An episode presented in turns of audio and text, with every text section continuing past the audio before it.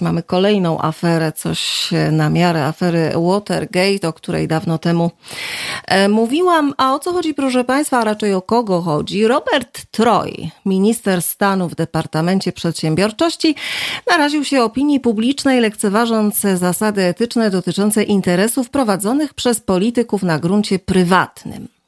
Większość Irlandczyków uważa, że powinien pożegnać się z państwową posadą. W przeciwnym razie, cóż warte są zasady, które w praktyce nie zapobiegają konfliktom interesów w życiu publicznym. O Troju, proszę Państwa, wiemy, że był wyjątkowo beztroski, żeby nie powiedzieć bezmyślny. W rejestrze parlamentarnym nie ujawnił wszystkich korzyści wynikających ze swojej działalności poza sferą publiczną, w tym znacznej części posiadanych nieruchomości.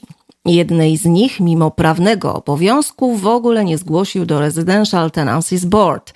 Nie ujawnił faktu podpisania z Radą Hrabstwa Westmeath umów wynajmu lokali mieszkalnych, których rzecz jasna był i jest właścicielem.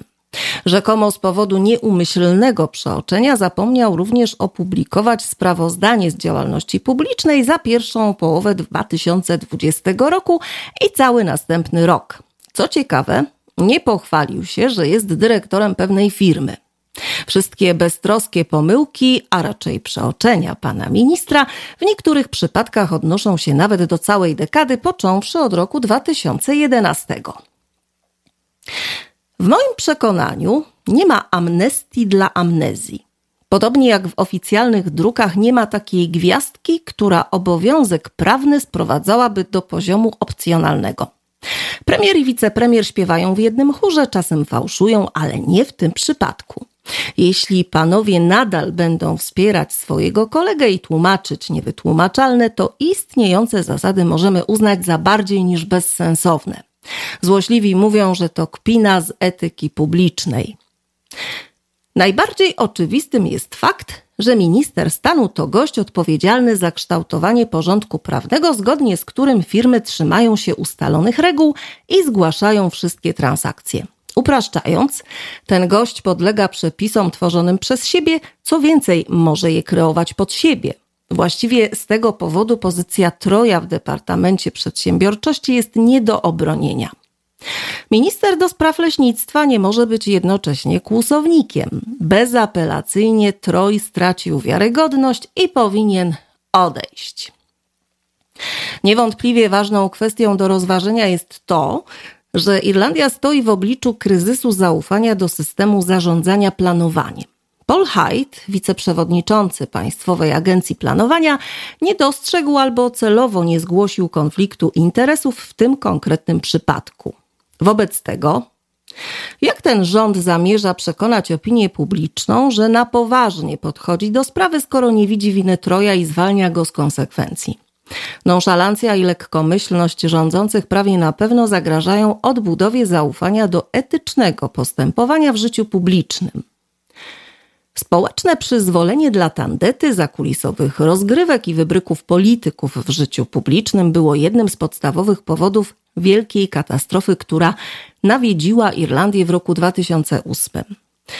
W tamtym czasie ani w sektorze bankowym, ani na rynku nieruchomości nie dało się skutecznie przeciwdziałać nieetycznym zachowaniom, albowiem kowbojska kultura została usankcjonowana na samym szczycie irlandzkiej polityki. I jak stwierdził Trybunał pod przewodnictwem sędziego Mahona, mieliśmy korupcję, która była tak endemiczna, jak i systemowa. Komisja Antykorupcyjna Rady Europy oceniła irlandzki system etyczny jako globalnie niezadowalający. Od tamtego czasu, drodzy Państwo, poczyniliśmy pewne postępy, a zatem mamy powody do umiarkowanego optymizmu. W roku 2012 Irlandia zajmowała 25 miejsce w indeksie korupcyjnym, co oczywiście było fatalnym wynikiem dla zachodnioeuropejskiej demokracji. W tym samym rankingu rok później zajmowaliśmy 21 miejsce. Po kolejnych dwóch latach byliśmy już na miejscu 18, a w zeszłym roku uplasowaliśmy się na pozycji 13. Na pewno daleko nam do niebiańskiej czystości, ale przynajmniej wydostaliśmy się z mrocznych piekieł. Tymczasem, drodzy Państwo, pod adresem Troja pojawiły się jedynie zarzuty o lekceważenie mechanizmów, które mają przeciwdziałać korupcji. System trzeba zreformować, a potrzebne są konkretne i restrykcyjne zapisy w prawie. Raport Komisji do Spraw Standardów w Urzędach Publicznych, opublikowany na początku tego miesiąca, wskazuje, że nie wszystkie organy państwowe objęte są kodeksem etycznym.